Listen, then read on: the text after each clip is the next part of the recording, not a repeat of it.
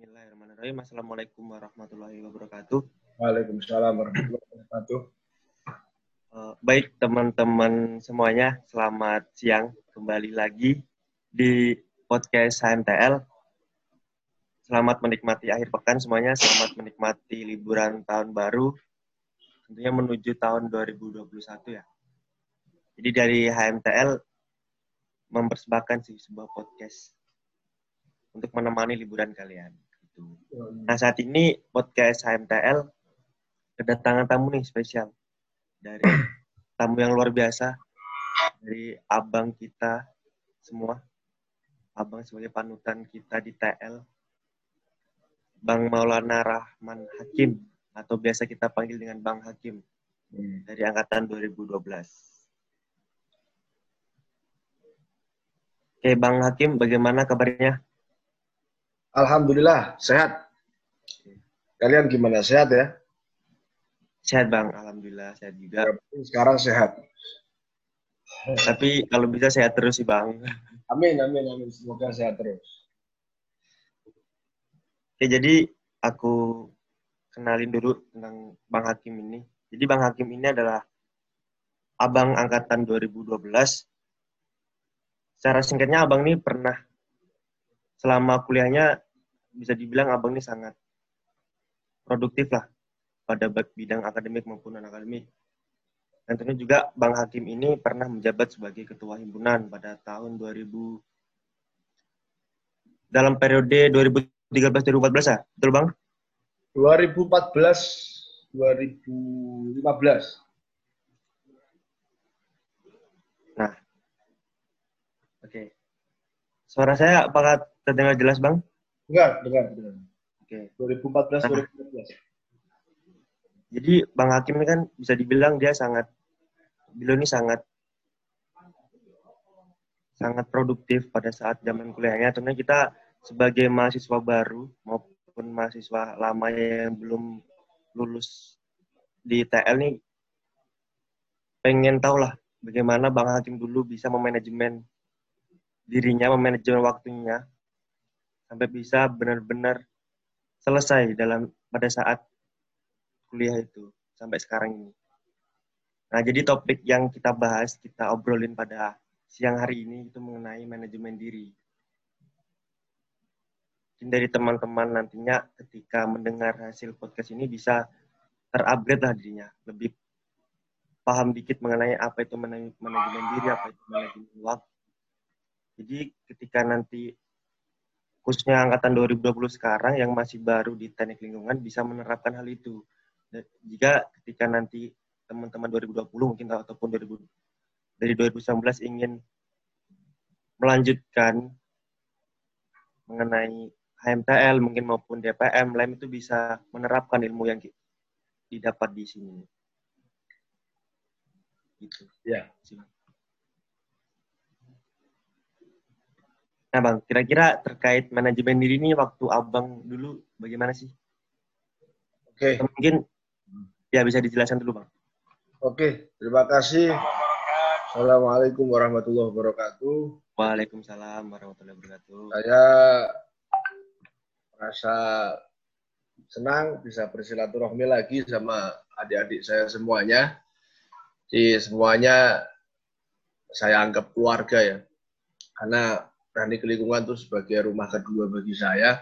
Apalagi ruangan kecil yang di bawah kampus yang dekat kantin itu sangat, menurut saya sangat memberikan satu efek yang sangat luar biasa bagi kehidupan saya ke depan. Sampai saat ini dan saya merasakan itu. Dan saya merasakan walaupun dan banyak teman-teman yang mengira saya terlalu aktif, tapi saya masih merasa kurang untuk bisa ber ya?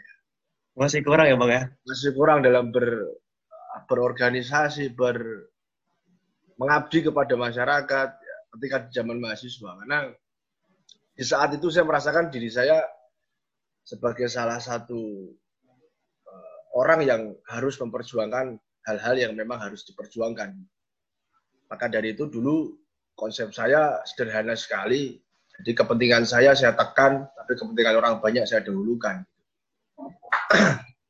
Jadi Dulu sebenarnya saya tuh uh, cerita saja ya di awal karena saya bukan orang yang teoritis dan bukan juga orang ahli dalam teori manajemen diri. Jadi kita share pengalaman saja kan. Fungsinya kan kita share pengalaman. Jadi sebenarnya awal waktu saya kuliah tuh uh, masuk ke Jogja itu sebuah hal yang tidak pernah terprediksikan dalam hidup saya. Dulu saya sempat daftar polisi, ya, daftar salah satu institusi negara, cuman tidak ada rezekinya di situ, sehingga filed gitu. Dan akhirnya saya putuskan kuliah. Kuliah pun bingung mau kuliah di mana. Saya asli Semarang kan. Ketika saya kuliah di Semarang, berarti saya ketemu dengan lingkungan atau teman-teman yang mungkin saya masih kenal. Ya. Saya akhirnya berpikir gimana caranya saya bisa uh, go ahead lah. Akhirnya saya pilih Jogja.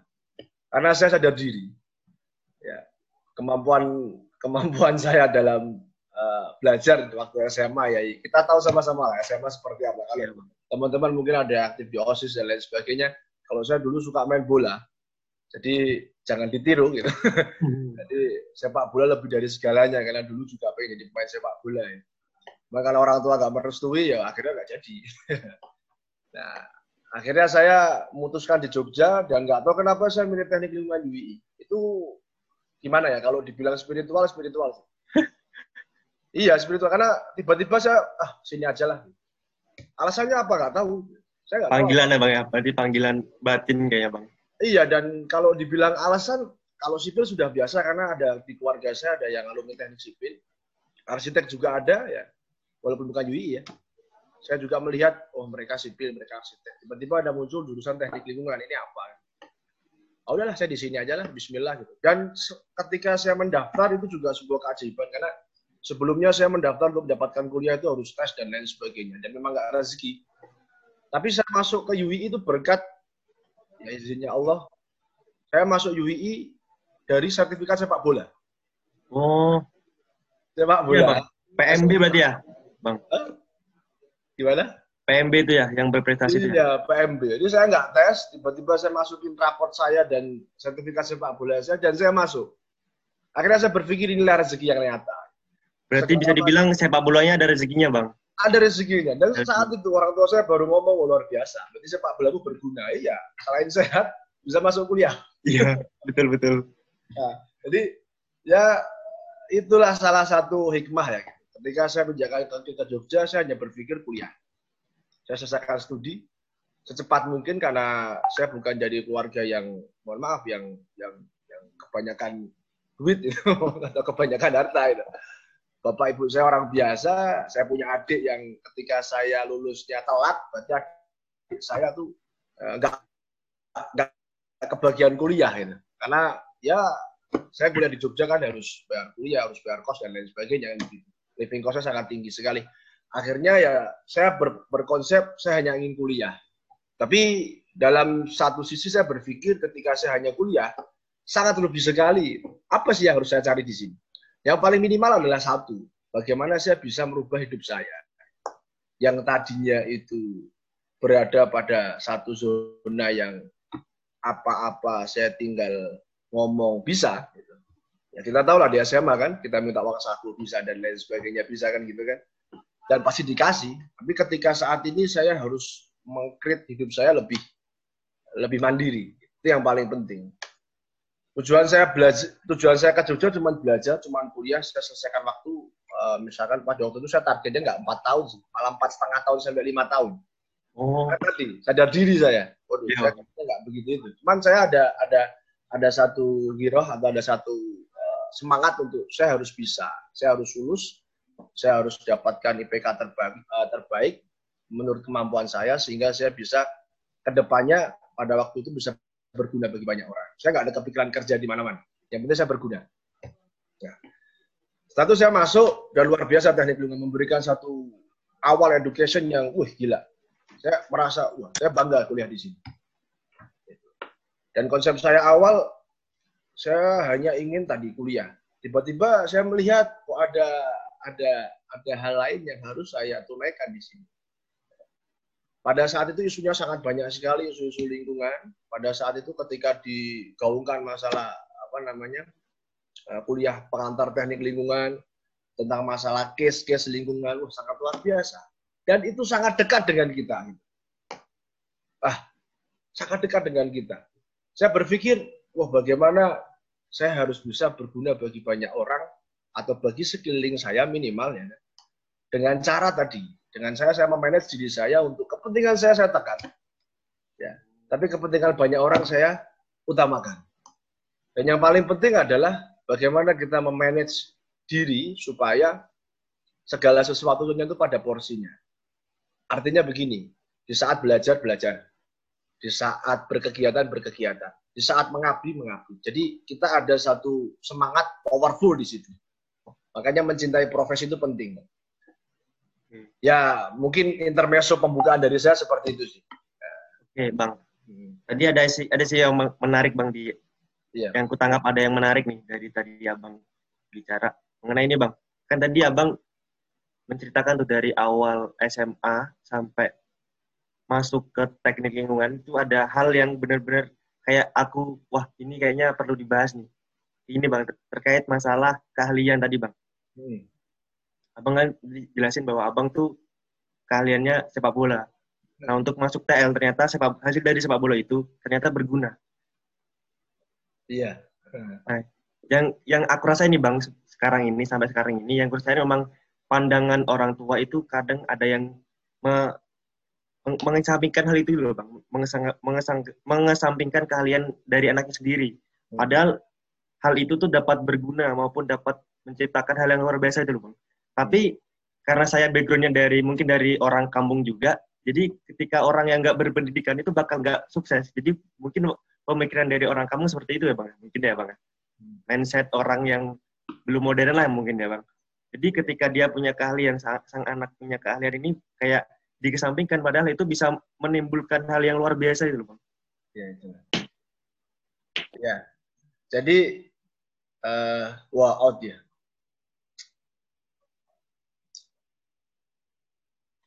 Halo? Sorry, ya. tadi saya mana, Bang? Udah, okay. udah jelas belum Bang tadi, Bang? Udah, udah, udah. Udah nah. masuk sih. Gitu, Bang. Inti, nah. yang yang gue tangkap. Jadi, uh, begini ya. Kalau untuk adik-adik semuanya, dan untuk saya sendiri tentunya, jadi potensi diri itu yang tahu kita sendiri. Jadi potensi diri yang tahu kita sendiri, terus bagaimana untuk follow up dari potensi diri kita itu ya kita sendiri yang tahu rule-nya. Maka dari itu dari sekarang adik-adik semuanya, termasuk saya juga pribadi, karena kita masih usia sangat produktif sekali. Bagaimana kita temukan satu titik, itulah diri kita ini. Itu yang jadi ciri khas. Itu yang paling penting. Gitu. Jadi bahasanya gini, ketika orang ngomong, wah itu Fauzi. Gitu. Ketika orang ngomong, kita bahas apa nih misalkan? Oh kita bahas masalah isu espam. Oh espam Pak Andi. Oh, Espam Pak Hudori. Ah, itu guru-guru kita semua kan. Jadi ada satu apa ada satu hal yang memang kita harus menjadi ciri khas yaitu potensi diri itu. Nah, itu dari dari dari dari hal yang kuliah ya. Lalu dari hal hobi silakan. Teman-teman harus ekspor. Bagi saya begitu. Kalau misalkan ada orang tua ya yang misalkan itu apa sedikit untuk wah apa sih terlalu seperti itu? Hobi kok terlalu di, divulgarkan sehingga nanti ya bang. Betul. kayak gitu bang. itu kan? Nah ya kita buktikan. Hmm. kalau bahasa saya saya buktikan. Kalau bahasa saya saya buktikan dan alhamdulillah ya Allah kasih jalan ternyata bisa nah, ternyata bisa dan ternyata memang jalannya di situ ada satu rule di mana yang saya tekuni dari dulu ternyata bisa ada satu hikmah menolong saya masuk ke bangku perkuliahan. Dan kalau yang namanya dengan orang tua, jangan mendebat orang tua. Namanya juga orang tua, nggak boleh. Secara Islam, yang penting kita dengarkan, kita iakan, insya Allah ada berkah di situ. Saya ada cerita juga masalah orang tua. Dulu saya dapat beasiswa pilot. Kalau teman-teman hmm. tahu. Salah satu perusahaan yang sekarang pilot. Jadi, pilot, ya, saya dapat beasiswa pilot uh, saya udah dapat suratnya, ibu saya masih apa ya? Saya masih eh, nggak uh, kasih ke ibu saya. Ibu saya tiba-tiba nyapu lantai, kelihatan ini apa? Saya dapat beasiswa pilot, saya harus berangkat ke Jakarta gimana seminggu lagi. Saya mau tes di sana. Ibu saya ngomong enggak, jangan. Buat apa kan? Udah yang biasa-biasa aja. Yang penting bisa berguna bagi banyak orang. Gak usah kayak gitu. Ya kita kan manifestasinya kan wah dulu apa oh, pilot gajinya besar dan lain sebagainya. Hasil ketika saya ya udahlah namanya ibu nggak ngerestuin ya kan kita ya anak kan gimana sih tapi ya ya udahlah namanya ibu kan gitu saya hormat sama ibu saya bapak saya ya udah saya lepaskan gitu jadi malah akhirnya perusahaannya pilot. Saya juga boleh akhirnya perusahaan oh berarti kata-kata ibu ini mujarab juga gitu. Mungkin kalau saya ambil beasiswa itu sekarang saya nggak ketemu teman-teman semuanya kan gitu. Nggak jadi ya, seperti bang. ini gitu, ya kan. Nah jadi lebih ke seperti itu ya e, masalah potensi diri silakan teman-teman gali. Kalau pada prinsipnya saya senang untuk mengabdi kepada masyarakat kalau saya. Jadi abang kerja perusahaan sama kerja mohon maaf ya kerja sosial lebih nyaman di mana bang? Ya saya harus vulgar ngomong saya nyaman kerja sosial karena kerja sosial itu nggak ada bayarannya. Bayarannya itu ketenangan hati bagi saya ya. Makanya dulu zaman saya kuliah, saya tidur jam 3 pagi, bangun subuh, habis itu aktivitas lagi sampai mungkin sampai larut lagi sampai pagi lagi ya fun saja. Saya menganggap itu fun, senang karena memang energi saya habis untuk apa sih masalah di situ, apa yang bisa kita bantu dan kita pecahkan sama-sama sehingga ada titik kepuasan tersendiri. Nah, dari situlah, makanya dari dari itu dari teknik lingkungan, dari HMTL, dari abang-abang sekitar yang mampu saya melihat, oh saya tuh potensinya saya ingin menjadi orang yang lebih baik ke depannya, bisa berguna bagi banyak orang melalui disiplin ilmu saya. Saya berpikir demikian pada waktu itu. Akhirnya saya powerful. Saya powerful, dikasih amanah ya sebaik mungkin saya jalankan, dikasih tanggung jawab sebaik mungkin saya laksanakan. Ada kesalahan saya gentle, saya yang salah. Begitu. Bukan tim saya, bukan staff-staff saya, tapi ya kesalahan saya. Gitu. Karena saya leadernya di situ, ya kan? Kalau konsep saya nggak boleh dong seorang leader menyalahkan bawahannya ketika ada kesalahan pekerjaan. Berarti kan leadernya yang salah ketika ada kekeliruan di situ. Iya bang. Waktu itu konsep saya seperti itu sih. Jadi ya dalam dalam memanage diri kita sesuai pengalaman saya ketika zaman kuliah ya itu membatasi diri, menekan ego diri dan kepentingan bersama itu menjadi salah satu hal yang harus kita utamakan. Saya gitu. Uh, ini bang, kan dulu abang kan ibaratnya juga sebelum menjabat sebagai ketua himpunan juga aktif juga di kepanitiaan ya bang. Iya.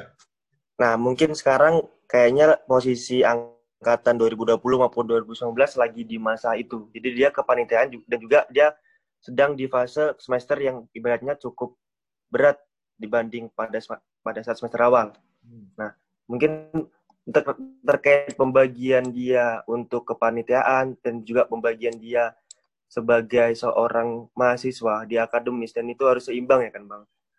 Nah, itu dari kasus yang udah saya dapatkan, misalnya yang udah saya lihat berdasarkan hal yang sudah mereka lakuin tuh mereka masih kesulitan dulu bang untuk mengatur hal itu. Padahal dia juga ibaratnya dia punya potensi lah untuk membuat hal itu tuh seimbang. Tapi cuman karena dia fokusnya bisa dibilang terpecah karena dia belum punya pengalaman lebih ataupun dia belum punya teori lebih mengenai manajemen yang baik, mungkin dia agak kesulitan gitu bang. Nah mungkin dengan podcast ini setelah dia mendengar hal ini dia bisa lebih terbuka pikirannya untuk bahwa seorang mahasiswa itu bisa gitu loh.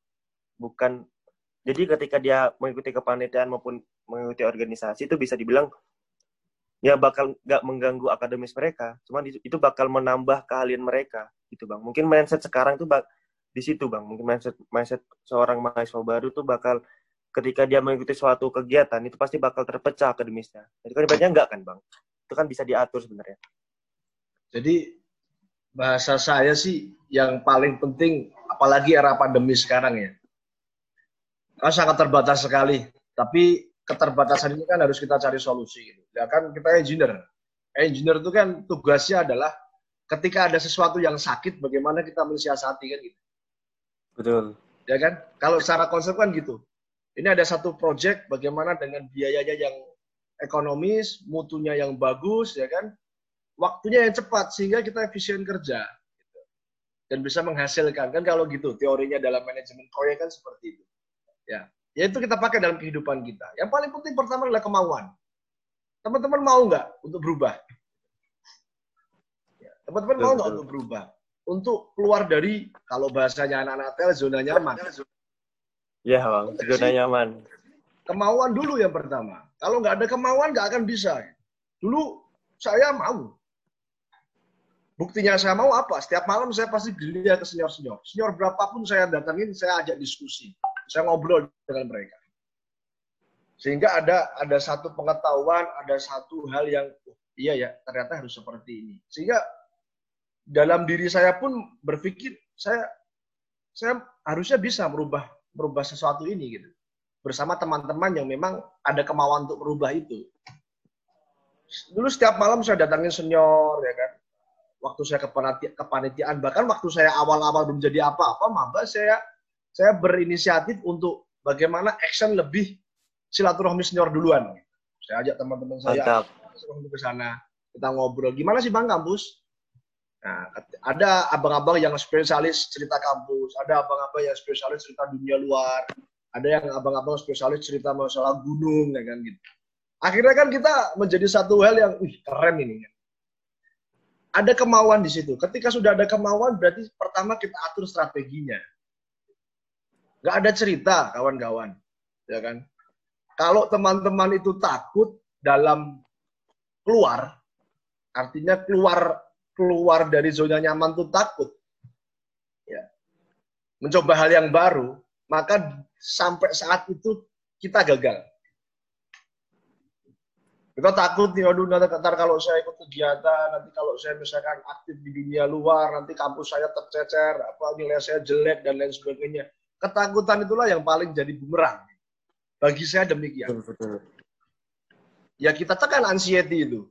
Anxiety ya, terlalu anxiety banget. Oh, ntar gimana pertanggungjawaban dengan orang tua saya? Nggak mungkin dong orang tua dipamerin. Bu, saya jadi ketua DPM loh, Bu. Ibu, ibu kita nggak akan mikir gitu. IP kamu berapa kan gitu. Hmm. Ya kan gitu. Lah kita kita pasang strateginya. Strateginya bagaimana sih gitu.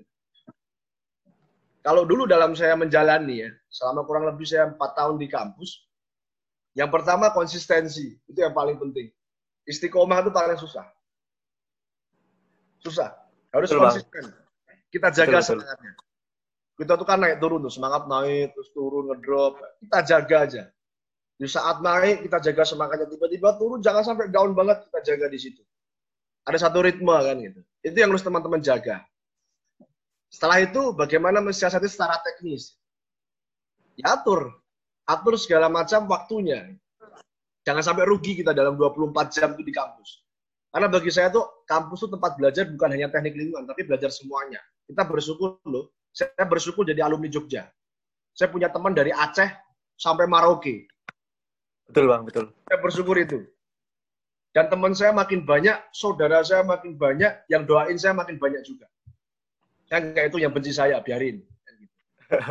gitu. Kalau dalam teorinya kan semakin banyak orang yang senang, berarti semakin banyak orang yang benci juga kan, nggak masalah. Benci Ya kan? Karena saya juga banyak dosa, ya yang benci saya banyak nggak masalah kan. Pakai dosa kan. Jadi kita atur strateginya. Konsisten yang pertama, terus yang kedua, teman-teman juga harus tahu jam-jam yang memang itu kita manfaatkan untuk belajar kita. Belajar apa pun, kalau Anda ke kampus hanya ingin belajar tentang keengineering, keengineerian apa bahasanya? Eh, eh, tentang masalah engineer lah, sorry ya kan. Libet juga nih. Betul, Bang. Nah, akademis. Ya, bahasa saya teman-teman tinggal ngikutin kuliah, selesai pulang dan nanti ketika lulus kita hanya oh gini-gini aja ya. Gampang deh. Tapi ada satu pembelajaran yang sangat luar biasa ekstra yaitu kita belajar budaya, belajar bagaimana berkomunikasi dengan teman-teman kita yang beda culture budayanya. Bagaimana teman-teman yang susah, bagaimana memecahkan sebuah solusi, eh, memecahkan sebuah problem sehingga menjadi solusi yang solutif. Itu belajar yang paling utama bagi saya ya, bagi saya. Kita harus pintar. Ada yang ngomong kan enggak, enggak perlu harus pintar. Yang penting kan uh, Anda aktif dalam berorganisasi, berkepanitiaan, yaitu pintar dong. Kuliah tuh harus pintar, harus tahu bagaimana kita akan membela orang lain, bagaimana kita akan melihat satu kasus ketika Anda nggak paham teori. Sorry, Anda teriak-teriak masalah pencemaran lingkungan, tapi Anda nggak tahu teorinya. Anda nggak tahu case-nya. Anda nggak tahu dari mana saya harus membahas ini. Saya pengalaman dulu waktu ikut manajemen aksi ya, aksi-aksi di mana-mana, itu banyak yang konsolidasi itu ngaco gitu. Tugas saya ketika di situ saya menjadi seorang calon ahli engineering lingkungan yang memang saya tahu teorinya saya jelaskan. Kami jelaskan di situ, seperti ini harusnya. Kalau kita bicara, masalah pengolahan lingkungan seperti ini, ada amdal, amdal seperti apa, larinya ke Permen 16 misalkan. Eh, pemantauan larinya ke Kepmen 45 misalnya. Jadi lebih kita memberikan pencerdasan. Itu harus teman-teman punya. Kita punya masalah air misalnya. Ada masalah air di daerah Merapi. Tiba-tiba datang, wah ada penambangan liar. Wah ini pampung, pampung, teriak-teriak kayak gitu. Tapi nggak tahu dasarnya. Debitnya hilang tuh gara-gara apa sih? Tahu gara-gara dikeruk misalkan. Lah, gara-gara dikeruk gara-gara apa? Teorimu apa yang kamu keluarkan? Oh, mungkin ketika dikeruk ya kan misalkan mempengaruhi di situ ekologis dari uh, uh, ekologis ataupun uh, zonasi di situ sehingga airnya di situ berkurang. Nah, jadi hidrologinya akan berubah skema hidrologinya. Misalkan seperti itu. Saya juga bukan ahli di situ sih. Cuma dulu pernah ada pengalaman ketika dengan Pak Widodo, mantan dekan kita, itu mengawal masalah isu uh, tambang pasir bebas di daerah Merapi sana. Jadi warga itu disesalkan dengan apa namanya ketika mereka menambang liar debit mata airnya berkurang bahkan hilang gitu. Hilang mata airnya hilang. Kita di situ sebagai tim survei, kita cek debit dan lain sebagainya. Itu kan butuh ilmu di situ. Butuh sains di situ. Teman-teman harus tahu. Dan pada waktu itu Pak Ruzardi, dosen sipil, itu mengeluarkan satu teori yang sangat luar biasa dengan hidrologinya beliau. Dan Pak Widodo juga ya menjelaskan masalah tanahnya, menjelaskan masalah cara mungkin ekskavatornya bekerja sehingga mempengaruhi apa namanya mempengaruhi struktur tanah di situ, akhirnya mata airnya hilang dan lain sebagainya. Itu luar biasa pengalaman bagi saya. Itu kita butuh sains. Untuk kita bergerak kita butuh sains. Teman-teman mau bekerja, kita butuh sains, bro. Mau kerja apa? SHE, misalkan. Jadi safety. Seperti saya sekarang, SHE. Tapi yang nggak jauh-jauh dari lingkungan juga karena saya di front posisinya. Ya kan? Jadi memang saya ingin keluar dari zona lingkungan nggak bisa. Jadi safety-nya biasa aja gitu. Tapi environment-nya di sini malah lebih ketat. Ya, jadi kepake alhamdulillah gitu. Ya kita harus butuh sains. Ditanya sama perusahaan, tahu nggak masalah pengolahan limbah B3? Oh gimana Pak ya itu Pak ya? Waduh, bingung, celingak, celinguk, celingak, celinguk. Buat apa gitu? Kamu kuliah IPK tinggi, tapi ketika nanti di depan HRD ditanya seperti itu, apakah nggak malu? Saya beberapa kali wawancara kerja itu ditanya seperti itu. Mas tahu nggak teknologi remediasi seperti apa? Oh, saya jawab secara general kan. Tahu nggak masalah pengelolaan limbah gimana sih? Kalau dulu saya pernah ada interview di salah satu perusahaan, dia ada case masalah air asam tambang. Ya kita jawab. Pada saat itu saya udah keterima di perusahaan sini, Terus saya keterima di perusahaan tersebut, saya akhirnya ya demi moral ya. Kan moral ya, moral namanya kita sudah menjadi sebuah perusahaan dan kita nggak mungkin masih kerja 4 bulan, 5 bulan terus resign gitu. Ya udah ya, akhirnya saya sisihkan yang sebelah sana, nggak apa-apa. Sebagai apa ya, pematangan knowledge saja sih, interview kerja seperti itu. Nah, itu kita butuh science gitu. Bagaimana sih gitu. Nah, jadi teman-teman harus pintar kuliah dan harus pintar bagaimana ilmu kita bisa bermanfaat bagi orang lain. Kita tahu manajemennya semuanya nih. Wah, kita tahu teorinya, tapi nggak bisa menyampaikan. Percuma. Ya, banyak orang yang seperti itu. Saya punya teman-teman yang ahlinya luar biasa. Wah, satu langkah udah tahu dia masalahnya di mana. Tapi bagaimana menyampaikan kepada orang lain itu susah. Karena betul, tidak terbiasa. Nah inilah yang menjadi faktor penting. Bagaimana kalau bahasa saya soft skill dan hard skill. Atau bahasa saya ada intelligence skill apa intel intelligence intelijensi ya sorry belibet nih. Ada spiritual ya. Ada emosional kan gitu ya. IQ Betul. IQ kan gitu. Nah ini ini ini satu kombinasi yang harus teman-teman bangun di sini supaya apa? Supaya nanti kita keluar dari teknik lingkungan itu benar-benar menjadi orang yang rahmatan lil alamin. Dan bahasa saya kampus kita ber, uh, ber berkegiatan di kampus, berkegiatan kuliah, dan non kuliah, non perkuliahan dalam berkegiatan itu sangat penting keduanya untuk mengkolaborasikan. Bahasa saya mengkolaborasikan, tidak mengalahkan salah satu. Betul bang. Maka dari itu lulusan teknik lingkungan mau jadi apa pun boleh bagi saya. Nggak harus jadi SHE, nggak harus jadi apa. Oh, harus masuk ke PU, harus masuk ke lingkungan hidup, nggak harus. Jadi presiden, boleh. Jadi menteri, boleh. Polisi, boleh. Pengusaha, boleh banget saya menjadi tukang sampah. Saya, saya ada loh teman dari salah satu universitas di apa namanya di Indonesia di kawasan daerah Bandung. Saya ber, eh, berkawan akrab dengan dia waktu di IMBRI. Dia simple. Saya lulus pengen jadi tukang sampah bro. Kenapa bro? Wih, dia bicara potensi sampah. Ada potensi pengabdian, ada potensi bisnis katanya. Dan saat-saat ini dia punya satu satu label perusahaan tentang masalah pengelolaan sampah di daerah Sumedang. Luar biasa. Seperti dosen kita lah Pak Ijrah ini luar biasa. Hmm. bagi saya orang-orang seperti itu tuh menurut saya dari awal mereka kerja kerasnya sudah tinggi untuk menciptakan konsep itu. Dan tidak hanya pandai berbicara saja tapi kan pandai knowledge-nya. Kan gitu. Pak Ijrah sampai doktor sampai sekarang. Ya kan? Ngefans juga saya sama beliau karena kalau asistensi tugas besar pasti ketemunya beliau kan gitu. Dan gaya-gaya pressingannya beliau itu luar biasa bagi saya oh, juga itu. Nah, jadi ya untuk teman-teman semuanya jangan sampai takut. Coba dulu, kan belum nyoba masa udah takut. Ya kan? Nah, kalau udah mencoba terus ada hambatan itu wajar. Namanya proses itu kan nggak nggak selalu enak proses itu. Namanya juga proses. Ya kita nikmati Betul. prosesnya, kita nikmati, kita jalani. Kalau kita sedih wajar, namanya manusia harus sedih, nggak boleh senang terus. Karena ntar sombong kan gitu. Ya, Pak. Kita nikmati semuanya sehingga ketika kita lulus, ketika kita keluar, ada satu kenangan di situ. Wah, ketika kita main di satu desa, ketika kita... Uh, jadi kalau teman-teman kembali ke Jogja, itu, saya merasakan sih. Saya masuk ke kampus, itu saya berpikir, wah dulu saya pernah di sini, kami dulu pernah diskusi di sini. Jadi ceritanya banyak. Nah, ini mungkin seperti itu sih untuk gambarannya ya. ya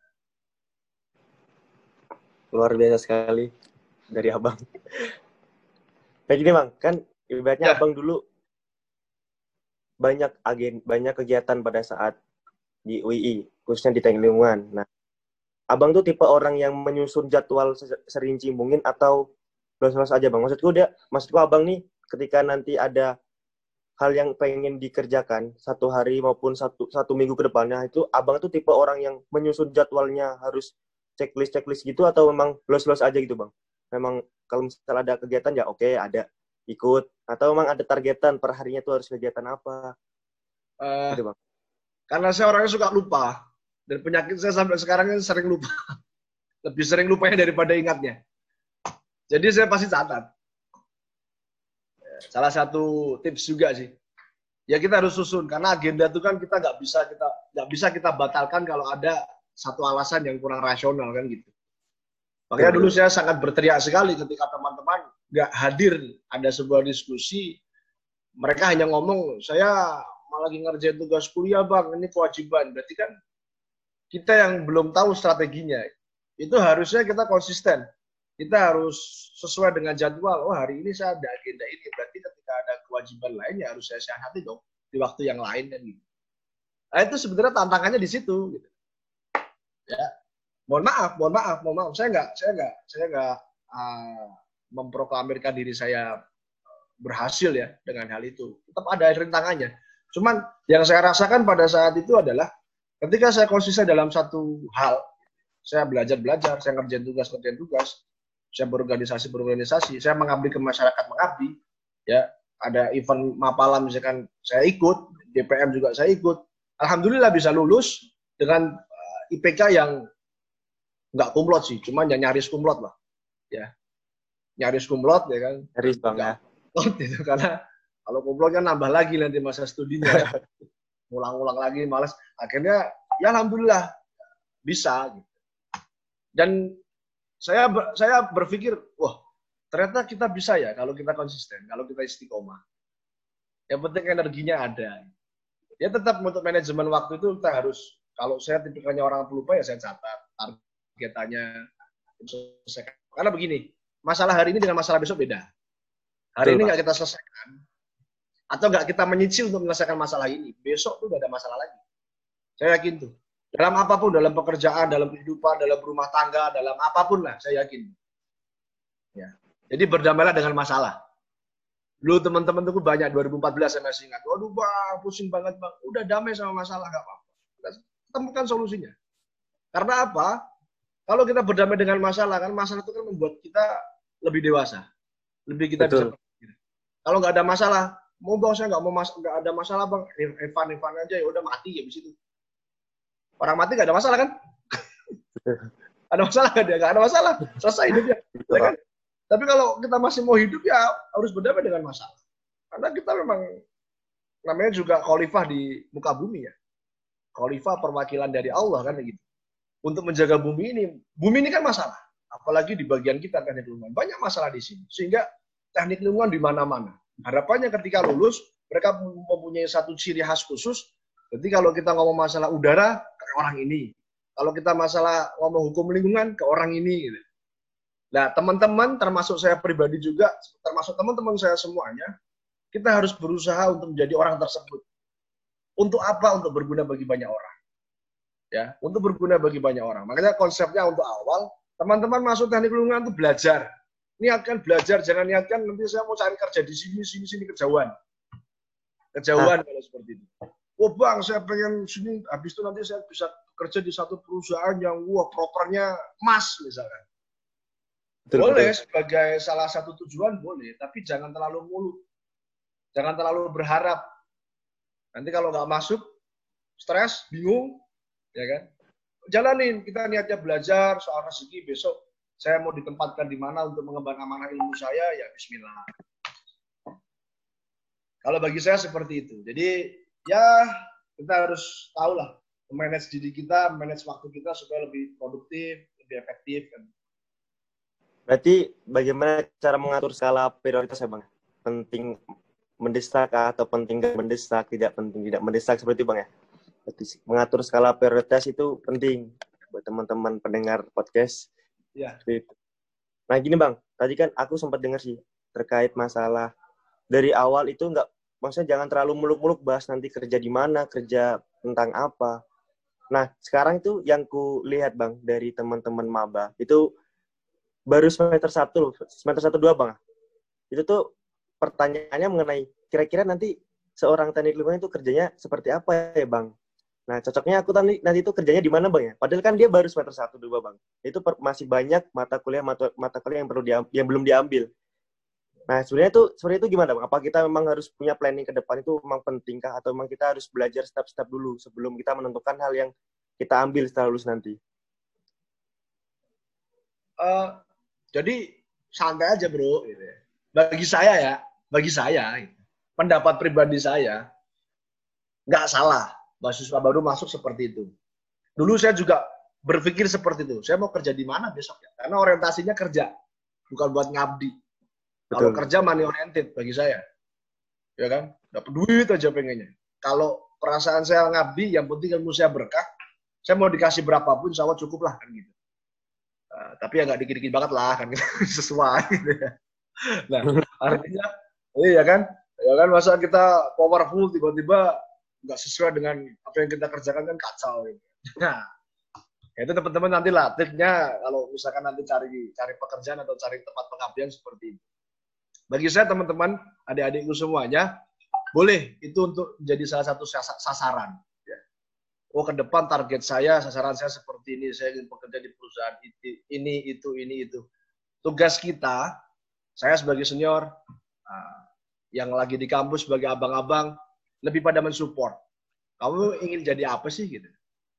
Oh saya pengen jadi ahli lingkungan di sana. Emang masalah di sana ada apa lingkungannya? Oh masalah pencemaran udara. Paham itu pencemaran udara. Betul, betul. Masalah air bang, paham itu masalah air. Masalah semua ya bang, air, tanah, udara, pahami ketiganya.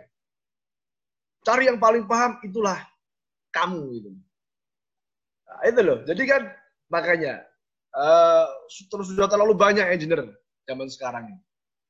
Ya kan? Zaman sekarang berapa ribu yang lulus dari perguruan tinggi.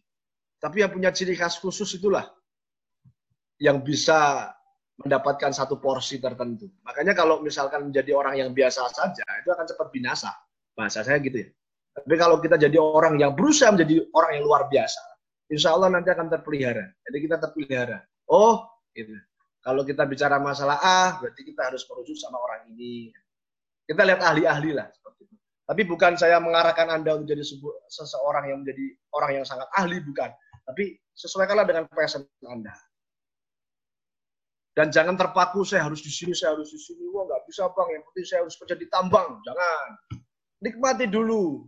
Ya, masih ada semester 2, 3, 4, masih ada banyak mata kuliah-mata kuliah yang ekstrim, mata kuliah-mata kuliah yang mampu merubah cita-cita kita ya. kan ada. Tiba-tiba, wih, Betul, Bang. seru juga ya. Wah, ya. gitu. Ya. Saya ke sini ah, gitu. Wah, tenang aja, tenang. Kalau ikutin dulu prosesnya, ikutin dulu rule-nya, Ya, tapi saya tegaskan satu kali lagi, teman-teman niatkan untuk mengabdi. Ya, niatkan untuk bagaimana ilmu kita bisa bermanfaat. Itu dulu aja. Masalah kecukupan, masalah rezeki, masalah tempat, bagaimana nanti kita mengabdi, itu udah urusan yang di atas. Tapi target perlu, saya pengen ke sini, oke. Okay. Silakan ciptakan strateginya. Egois, ya gimana ya, ambisius tuh jangan terlalu lah, bagi saya ya sehingga nanti akan muncul sebuah ego ego sendiri gitu saya kalau nggak di situ enggak itu kan nggak boleh nah ya. belajarnya bagaimana meredakan ego ya udah belajar untuk bersosialisasi belajar untuk menerima pendapat orang lain belajar untuk mendengarkan yang paling susah di bangsa ini adalah budaya mendengarkan termasuk saya juga masih belajar bagaimana saya mendengar apalagi saya sekarang kerja di struktural perusahaan kita punya bos ya kan berarti kan kita harus banyak mendengarkan daripada mengcounter bos gitu ya. Jadi inilah yang harus kita cakapkan gitu. Artinya teman-teman harus belajar seperti ini. Jangan ya gimana ya? Idealisme itu perlu. Idealisme itu perlu dan harus. Ya, ketika memang itu sebuah kebenaran, katakan benar. Nggak boleh di, di, di, dimanipulasi, ya kan? Tapi ambisius dan ego itu jangan. Ya kita tekan. Yang kalem aja. Insya Allah nanti akan ada jalan di situ. Kalau saya sih berpendapat gitu sih, santai aja, slow aja hidup bro. Kita kan nggak tahu nih dua tahun lagi, tiga tahun lagi mana tahu saya jadi menteri atau saya besok jadi pengusaha, kan kita nggak tahu. Tinggal kita lihat potensinya kan gitu. Iya bang. Target harus ada.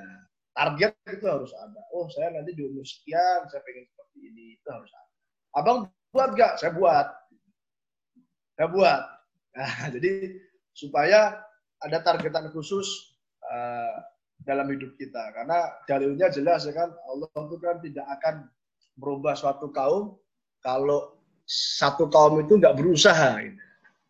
Nah, jadi kan kita berusaha itu kan sebuah doa juga saya pengen seperti ini ya karena lama lama kelamaan nanti ya udah kita akan dikasih atau kita akan dikasih yang lebih baik daripada targetan kita itu ya. Ya seperti itu sih bro, santai aja yang masih semester satu, kalem-kalem aja bro. Ya nikmati dulu tuh. Iya, ya. Nikmati dulu ketemu sama senior-senior. Ya. Kalau ya gini nih, kalau misalkan waktu pulang kampung gitu, cari senior yang ada di situ. Oh saya pulang ke Bengkulu misalkan. Siapa ya senior yang di Bengkulu? Kabarin IKTL UII yang ada di Bengkulu. Bang, saya 2020 bang, saya mau ngobrol. Boleh, pasti mereka welcome. Saya, saya se sepanjang saya ngobrol dengan alumni, alhamdulillah angkatan 2000 saya udah pernah ngobrol. Yang 99 saya sudah pernah ngobrol. 2001 sering ngobrol, 2002 sering ngobrol. Bahkan sampai saat ini masih kontak-kontakan. Ya, masih saling tukar pikiran. Bahkan, Bang, apa kerja di mana sekarang? Di sana gimana potensi Bang? Nah, gitu. Mau nggak ke sini ya kan? Ya, Oke Bang, ntar saya pikir lagi, pikir-pikir dulu Bang, maaf Bang, belum Bang, karena seperti ini kondisinya. Ya udah nggak apa-apa. Jadi malah ada rezeki di situ gitu. Ya itu ya, silaturahmi bukan. Bisa dibilang ini ya bang ya di orang teknik lingkungan UI itu di semua kota tuh pasti ada ya bang ya. Ketika kita berhenti di suatu tempat itu pasti ada orang TL ya bang ya. Mau apa? Mau yang jadi ketua HIPMI? Ada. Di bulan pengusaha nah. muda ada. Jadi anggota legislatif DPR? Ada. Jadi nah. pengusaha yang keren? Ada. Ya. Mau jadi apa? uh, tim teknis PU ada Peker, pekerja di perusahaan SHE bertebaran banyak yang di yang di BUMN banyak. Ya, makanya mereka tuh dengan passion yang mereka sendiri-sendiri. Maka dari itu kuliah itu bukan serta-merta belajar masalah sains saja. Tapi bagaimana belajar potensi diri untuk mengkombinasi tadi. Ya, kombinasi itu yang paling penting. Bukan mengalahkan salah satu. Ya, tapi mengkombinasikan itu. Jadi ya nikmati kuliahnya, santai aja, nggak usah terlalu terburu-buru, tapi harus ada target yang jelas, berapa tahun lulus, ya. jangan kelamaan, ya. Jangan kelamaan, uh, kelamaan, saya mau maksimalkan lah bang, tujuh tahun lulus, ngapain, kan gitu, ketuaan nanti. tapi kita nggak ya. tahu rezeki orang, ya kita nggak tahu rezeki orang. Banyak teman-teman saya yang telat lulus, tapi sekarang saya tahu luar biasa. Malah kadang saya dikasih pekerjaan sama mereka. Bantuin saya dong ini, ayo. Padahal kita tahu di kampusnya seperti apa. Tapi sekarang jadi rekan kerja yang mungkin apa ya, Allah kasih rezeki lewat situ kan gitu. Nah, ini luar biasa lah. yang namanya kita nggak tahu ke depan seperti apa. Berarti terkait manajemen diri ini nggak nggak cuman mengenai kuliah aja bang ya. Berarti ketika abang sudah bekerja, abang juga tetap mem manajemen diri abang kan bang? Jelas. Ya bahasa saya yang paling penting dalam manajemen diri adalah menahan. Manajemen kan kalau dalam secara teori kan wah mengorganisasi dan lain sebagainya. Tapi utamanya hulunya itu menahan. Bagi saya ya, pemikiran saya pribadi. Ya, boleh dong mikir pribadi dong, ya kan? Betul bang, betul. Jadi saya nggak nafsirin Quran kan. Kalau nafsir Quran nggak boleh, padahal pribadi ya gitu. Uh, saya menafsirkan pemikiran saya pribadi. Jadi hulunya menahan diri. Kalau kita sudah bisa menahan diri, kita sudah bisa mengatur habis itu. Habis kita tahan, baru kita bisa mengatur Han. Kalau kita mengatur tanpa menahan, ya akhirnya blar-blar. Tahu blar-blar nggak? Tahu. Nih, wah, wah, wah, wah, tapi kita nggak bisa menahan diri. Akhirnya timbul tuh, wah, timbul ego, timbul kalau nggak saya nggak, kalau nggak perkataan saya nggak boleh diikutin. Nah, akhirnya seperti makanya kita harus menahan diri dulu untuk manage itu semuanya, baru kita bergerak mengorganisir segala sesuatunya. Tubuh kita itu kan ada jasad sama roh ya. Nah ini kan manajemen kita bagaimana dua ini bisa mengkombinasi sehingga diri kita ini ya tadi ya bisa menahan dan bisa berguna bagi orang banyak. Simple sih kalau ditanya, abang mau hidupnya apa? Bisa berguna bagi orang banyak. Di mana pun. Di komplek kah? Di pos kamling kah? Ya penting kita bisa berguna kan gitu. Masih Pak. Ya, nggak perlu terlalu muluk lah. kalau bagi saya. Oke. Berarti perlu belajar dulu kan berarti selama, selama kuliah ini perlu belajar dulu mengenai manajemen diri yang baik dan benar tuh gimana. Jadi ketika nanti bekerja itu udah tahu gimana cara memanajemen diri yang sempurna mungkin ya. Iya, kalau kita bicara kesempurnaan kan nggak bisa ya. Oh ya bang, yang baik baik dari pada pada masa kuliah lah bang ya. Yoi, jadi ada satu batas yang kita nggak bisa jangkau ke sana. Gitu. Ya gitu, betul kan? betul satu batas yang kita nggak bisa jangkau ke sana. Kita mau berambisi hmm. apa pun kalau memang nggak takdir di situ mau, mau gimana sih kan gitu. Tapi kan ada hikmah pasti. Ada sesuatu yang bisa kita petik di situ. Ya. Ya bagi saya tempat belajar sekarang di kampus. Karena kampus Betul. itu kan sentrumnya. Satu pusat yang memang bagi saya pusat, pusat peradaban sih. Maka dari itu adik-adik saya semuanya ya sekarang masih baru banyakin baca buku. Konsepnya cuma dua, baca buku, diskusi. Habis itu nyalurin hobi terserah mau hobi apa kan gitu. Yang mau main musik main musik. Tapi jangan jangan sampai nggak baca buku jangan sampai nggak diskusi. Karena baca buku itu ingat. pemahaman diskusi itu memantapkan bagi saya seperti itu. Ya kan? Makanya kadang kalau saya misalkan ada satu satu bacaan gitu saya ngelihat oh, seperti ini ya klunya ketika saya ketemu senior yang memang itu ada kompetensi di situ saya pasti tanyakan bang katanya kemarin seperti ini ya kondisinya? Oh iya jadi gini ceritanya bro, wah. Wah, Emang, panjang sampai pagi ya bang. iya, oh ternyata bener ya. Ah itu. Tapi nggak jadi jadi satu orang ya. Kalau dulu saya konsepnya itu setiap fakultas saya harus punya teman. Di hukum saya punya teman, ekonomi saya punya teman. Sehingga kita, ketika kita diskusi, ketika kita membahas sebuah isu itu, kita tahu secara umum. Oh masalah ekonomi apa sih? Oh masalah ekonominya ini ada kesenjangan bro. Oh gitu. Harusnya berapa persen sih dengan kemiskinan kita? Oh, di bawah sekian persen. Oh, gitu. Kenapa? Akhirnya berujung banyak kan. Kita dapat ilmu gratis tuh. Nah, sebenarnya teman-teman harus seperti itu. Karena apa? Kita ke depan kita akan jadi orang yang tadi rahmatanil alamin, bukan rahmatanil teknik lingkungan kan gitu. betul, betul. ke semuanya. Ya kan? Basic science-nya teknik lingkungan. Knowledge-nya teknik lingkungan, tapi ingat, kita harus tahu semuanya. Karena begini, yang saya rasakan saat ini adalah permasalahan semuanya ini kan kompleks. Saya di perusahaan contoh, contoh. Saya punya program masalah environment misalnya. Tapi kan ada faktor yang lain untuk mendukung program ini. Ada masalah manajerial, ada masalah budgetingnya, ada masalah pencapaiannya bagaimana, ada masalah feedback apa yang didapatkan oleh perusahaan, ada masalah bagaimana skema perizinannya, ada masalah yang lain juga, bagaimana nanti ketika ada inspeksi mendadak dan lain sebagainya. Eh, nanti ada clue lagi, nanti direksi tanya, ya kan, uang yang kita keluarkan banyak, kira-kira apa sih buat perusahaan buat kita kan gitu. Kalau bos kan gitu, bos tuh konsep tuh paling gini aja dia, oh gitu ya, duitnya berapa? 200 juta pak, ah saya nggak punya segitu, gocap lah ya gitu kan, 50 juta lah ya gitu. Waduh, jangan sampai timbul omongan, ya kan? jangan sampai timbul omongan nih. Kalau bahasanya kan, ya kan saya kan ngerekrut kamu di sini kan buat menyelesaikan masalah mas, buat bukan buat tambah-nambahin masalah. Engineer itu kan begitu, bagaimana kita mensiasati kan supaya ini bisa on the track kan gitu. Ah, itu kan banyak tuh. Wah, jadi kita harus belajar juga untuk gimana ya skemanya ya. ya. Saya nggak pernah dapat pelajaran, eh dapat sih pelajaran RAB ada sih. Ya sekarang karena posisi saya sebagai koordinator, saya lebih banyak eh, manajerial. Lebih banyak bagaimana budgeting, bagaimana membuat program, bagaimana membuat target sasaran, ya kan, berdiskusi mengenai polisi, ya, berdiskusi mengenai targetan yang harus kita capai ke depan, bagaimana kita bisa save satu tahun ini. Lebih ke seperti itu. Dan, itu banyak berpikir. Dan bagaimana menyatukan pendapat teman-teman yang satu perusahaan ini dengan pendapat kita itu kan nggak mudah. Kita harus pandai mendengar, pandai berbicara, pandai mempengaruhi kan begitu bro.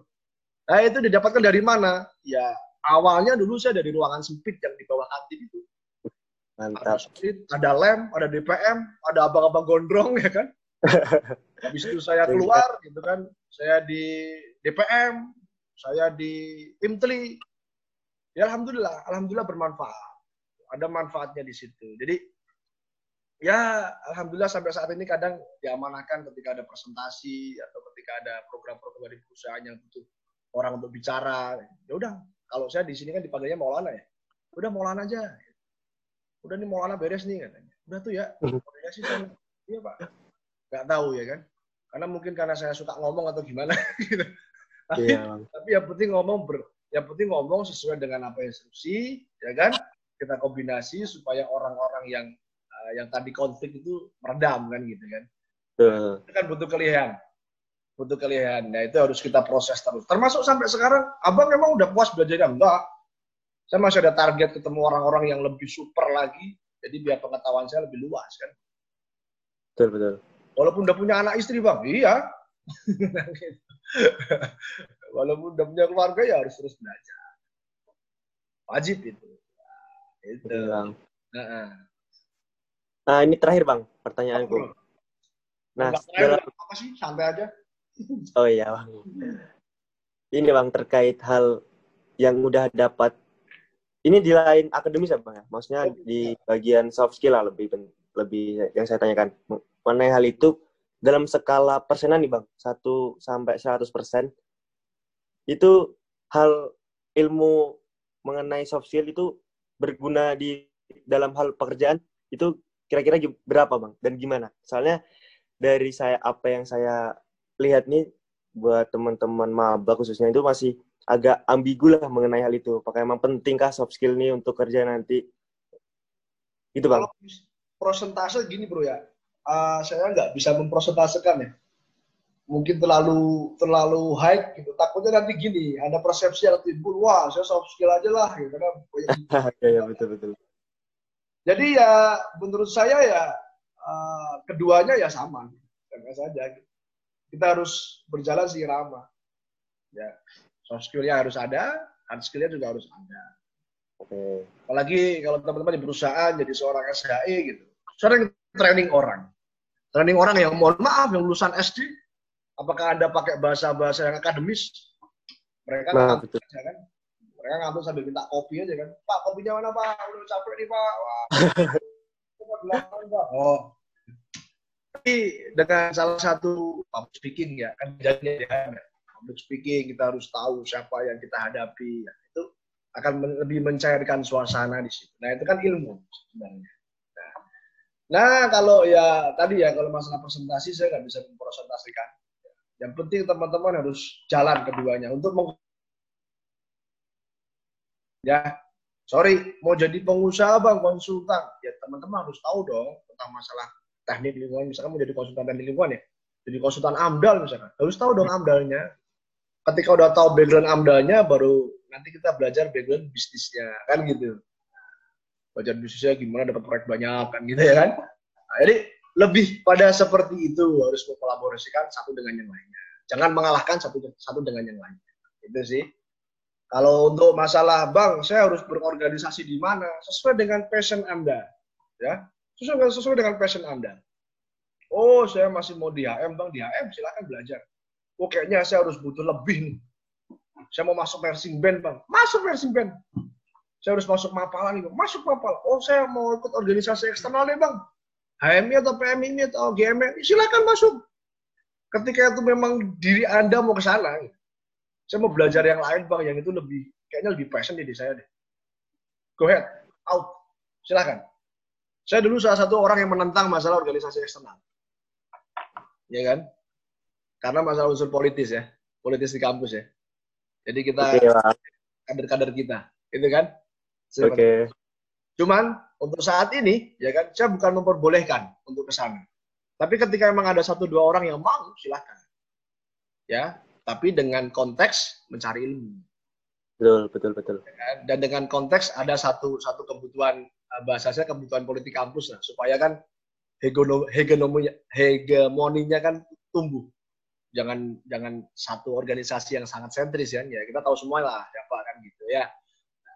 Belajar ke yang lain juga boleh atau simpatisan. Saya simpatisan dulu. Saya diajak kader salah satu organisasi eksternal saya nggak mau. Saya simpatisan aja bro, diskusi ikut, ya kan ada acaranya mereka kita ikut kita kan tahu akhirnya oh orang-orangnya ini kita tahu skemanya seperti apa ya kan ada jadi ketika ada mau penyusup masuk gitu wah ini orang-orang yang menyusup nih jadi dulu dulu serunya gitu sih gitu. Kalau jadi simpatisan. Jadi silakanlah tuh. Itu itu itu jadi jadi jadi jadi hal yang buat teman-teman pikirkan sendiri ya. Mau bergerak di mana berorganisasi di mana silakan. Eh, mau di eksternal kampus bang, misalkan mau di Kobhi atau di Walhi, malah bagus bahkan. Koneksinya kan diperluas. Supaya nggak stuck di situ-situ aja. Nah, ini seperti itu. Mau ke, ke GP Ansor, mau ke mana, monggo silakan. Ya kan? Kalau mau ke IMM bang, ke Ikatan uh, Pemuda Muhammadiyah, silakan. Belajarlah di sana, nggak apa-apa. Tapi jangan sampai ada satu unsur kepentingan untuk bisa uh, mengacaukan kepentingan yang lain. Nah, jangan sampai seperti itu. Ya kita harus iya. profesional lah, profesional bro. Intinya profesional. Nah, ini seperti itu sih bro. Ada lagi bro. Sekarang dari anu bang dari kopi itu ketuanya dari adik kita bang dari TL 19 kan. Nah, keren kan? Bisa Mantap. bisa melebarkan sayap sampai organisasi eksternal di kopi kan keren itu. Uh, itulah pola ya gini makanya ini pola pengkaderan yang seperti ini harus diteruskan. Ya saya sedikit cerita buat motivasi teman-teman. Dulu HMTL itu pasang surut ya, pasang surut. Saya kedapatan pas surutnya. Jadi kerjanya lumayan capek bersama tim teman-teman pada waktu itu luar biasa teman-teman saya pengurus itu luar biasa dia powerful sekali. Ya uh, one instruction saya pengen ada ada harus Dulu memang agak-agak Hitler juga ya. harus ada, harus ada. Wah susah, ada bisa. Belum, belum dicoba, jangan ngomong nggak bisa. Dan saya juga belajar profesionalitas dulu di pengurusan kami itu ada abang-abang 2011 yang masuk ke pengurusan kami ya 2012 2013 pada waktu itu pengurusnya dan mereka profesional gitu. Uh, di situ udah hmm. sama adik lagi tapi di situ ada struktur. Wah luar biasa saya hormat sekali tuh ada tiga abang abang-abang saya, eh sorry lima abang-abang saya yang di dalam struktur pengurusan dan periode kami. Mereka mengajarkan profesionalitas yang sangat tinggi sekali, luar biasa, hormat. Sampai sekarang pun saya masih hormat. Ya. Termasuk abang-abang senior-senior yang lain, saya hormat banget sama mereka. Uh, jadi uh, konteksnya seperti itu, ya jangan sampai kita jadi orang yang pasif lah, gitu ya. Uh, ya, ya bang. Di Intri dulu tuh lucunya begini. Jadi waktu surut kita berpikir, kita semua berpikir, kita harus butuh brand kita harus butuh bargaining possession. Yang paling gampang itu main. Main gimana bro? Kita gampang main, kita silaturahmi ke kampus-kampus, kita ngomong kalau kita HMTL UI, kita bawa konsep seperti ini, kita gaungkan ke nasional. Targetnya apa? Ada penjabatan. Sama bikin acara internal kampus. Lagi tren apa sih? Konser, yaudah kita bikin perhelatan seni. Bayangin, teknik lingkungan, kami pada waktu itu bikin perhelatan seni kesan tekniknya nggak ada. Itu kita evaluasi, kita salah. Nggak masalah. Apa yang salah? Gue bilang gitu. Yang penting pamor dulu lah HMTL UI. Ada. Branding ya Bang ya? Yang penting branding dulu. Bodoh amat mau gimana. Baru ntar kita evaluasi. Jadi dulu tuh barangnya yang penting ada dulu. Baru ntar dievaluasi. Adik-adik silakan evaluasi. Wah bang salah nih gini. Oke, ya kita salah. Jangan lanjutin ya. Ya kan? Iya bang, kita nggak akan lanjutin. Siap. Rubah, rubah. Dan kita nggak kita nggak marah kalau bang saya rubah ya. Ini makanya nih paradigma adik-adik sekarang kalau mau merubah sesuatu harus izin, nggak perlu. Sesuaikan dengan perkembangan zaman. Tapi minta pandangan silahkan. Betul bang.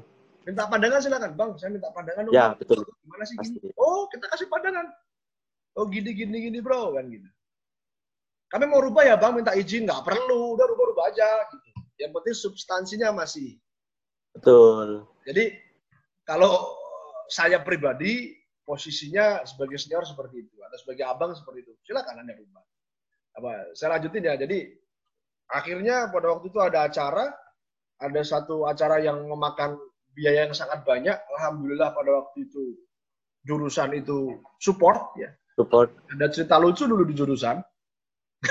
Karena pada waktu itu kita masih kontra sekali. Saya harus sampaikan masih kontra sekali kita, masih sering berdebat, ya, masih dengan ego masing-masing. Pada saat itu kami terpilih, uh, kami pengurus inti silaturahmi dengan Pak Udodo, kita presentasi, kita terbuka, kita ngomong, tolong Pak, kita support ada program seperti ini. Oke, saya support Mas. Ya, tapi jangan sampai kita harus ada slack lagi lah.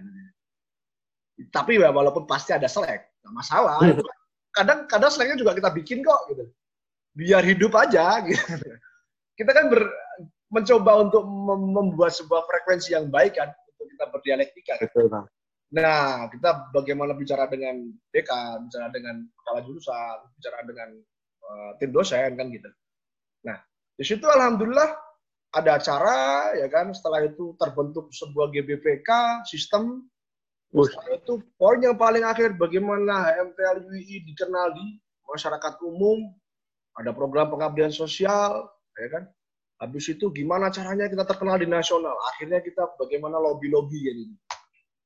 Dulu zaman kami di himpunan, saya dengan eksternal, dengan tim eksternal, dengan Hublu itu sering jalan-jalan. Karena kita ada anggaran mahasiswa besar kan? Ya kan? Iya bang, betul. Oh jalan-jalan bro. Kita ke Bandung ITB, kita ke Unpas, kita ke ITS, kita ngobrol dengan mereka, kita ke UI, kita ngobrol dengan mereka. Ini gimana? Oke ya, ini habis ini mau ada impli, ya kan? Kita kita punya visi misi yang sama, ya kan? Kita mau kasih calon siapa kan gitu. Oke, calonnya dia tampil, calon kita tampil, oke lah. Sudah ada lobby di situ, ya kan? Ya akhirnya alhamdulillah kan gitu. Jabatan kita dapat, orangnya yang di situ juga berintegritas tinggi, yang sampai saat ini saya masih menghormati dia walaupun dia ada tingkat saya, dia luar biasa. Ya, Bahkan ketika mereka visi misi itu saya melihat, Wih, keren banget nih orang. Dan ya, alhamdulillah uh, kampus lain ngomong kan pada waktu itu, ya waktu itu saya udah lengser sih, Prodenia Sandi. Mereka ngomong AMTL pada makan apa sih kan gitu. Oh kalau ngomong nggak selesai-selesai katanya dan logis semua kan ini. Nah, dari itu inilah ini ini yang menjadi salah satu hal yang harus teman-teman uh, follow up terus ya supaya kita bisa mempunyai visi misi yang jelas ke depannya. Bukan bermaksud apa-apa, ini hanya cerita saja. Hanya cerita saja. Ya, kita pernah ada di posisi yang luar biasa. ya dan kita harus uh, istiqomah di situ lah gitu ya bro jangan sampai kan gitu apalagi kemarin Irfandi Irfandi ketua intri itu bagus oh bang janganlah masa kok kita hanya ngincar jabatan dah orang yang kita kira berintegritas integritas gak integritas mereka. Bagus kok. Kayak gitu. Uh, kita kita dapat apa? Dapat wah value keren ya. Apa sih belajarnya? Akhirnya mereka mereka semua pada studi banding ke sana. Pada studi banding ke HMTL kan? Pada ngobrol di HMTL nah, itulah. Hal yang hal kecil seperti itu supaya organisasi kita juga semakin matang. Brandnya bagus tapi orang-orangnya harus kalian orbitkan juga. Jangan cuma brand-brand aja brand tapi tiba-tiba wah bang ini adik-adik kita kacau bang gini gini gini. Betul bang. Nah itulah maksudnya ingin saya dengar kayak gitu. Kalau adik-adik kacau gimana lu benerin lah? Emang kita yang benerin ya kan? Yang betul udah ya kan yang usia harusnya udah profesional udah udah keluar kampus masih benerin kampus yang model adik-adik nggak mau diajak rapat bang. Eh kenapa? Kan semuanya. Emang rapat semuanya kan? gitu kita belajar profesional lah, ya kan gitu kan. Betul. Nah, kok oh, perkor-kor-kor aja kita ngobrol di situ selesai. Yang penting kita efisien, efektif. Oh, ada program pekaderan bang, alihkannya yang lain, nah, kan gitu. Jadi lebih lebih ke teknik dan caranya sih kalau bagi saya seperti itu. Jadi ya semua bisa lah insya Allah. Ya bro ya, gitu sih, aman. Ya. Seru ya bro ya. Oke bang. Ini kayaknya udah udah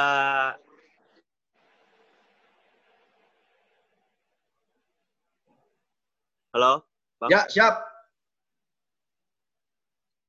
Nah, ini kayaknya waktunya udah cukup banget siap. dari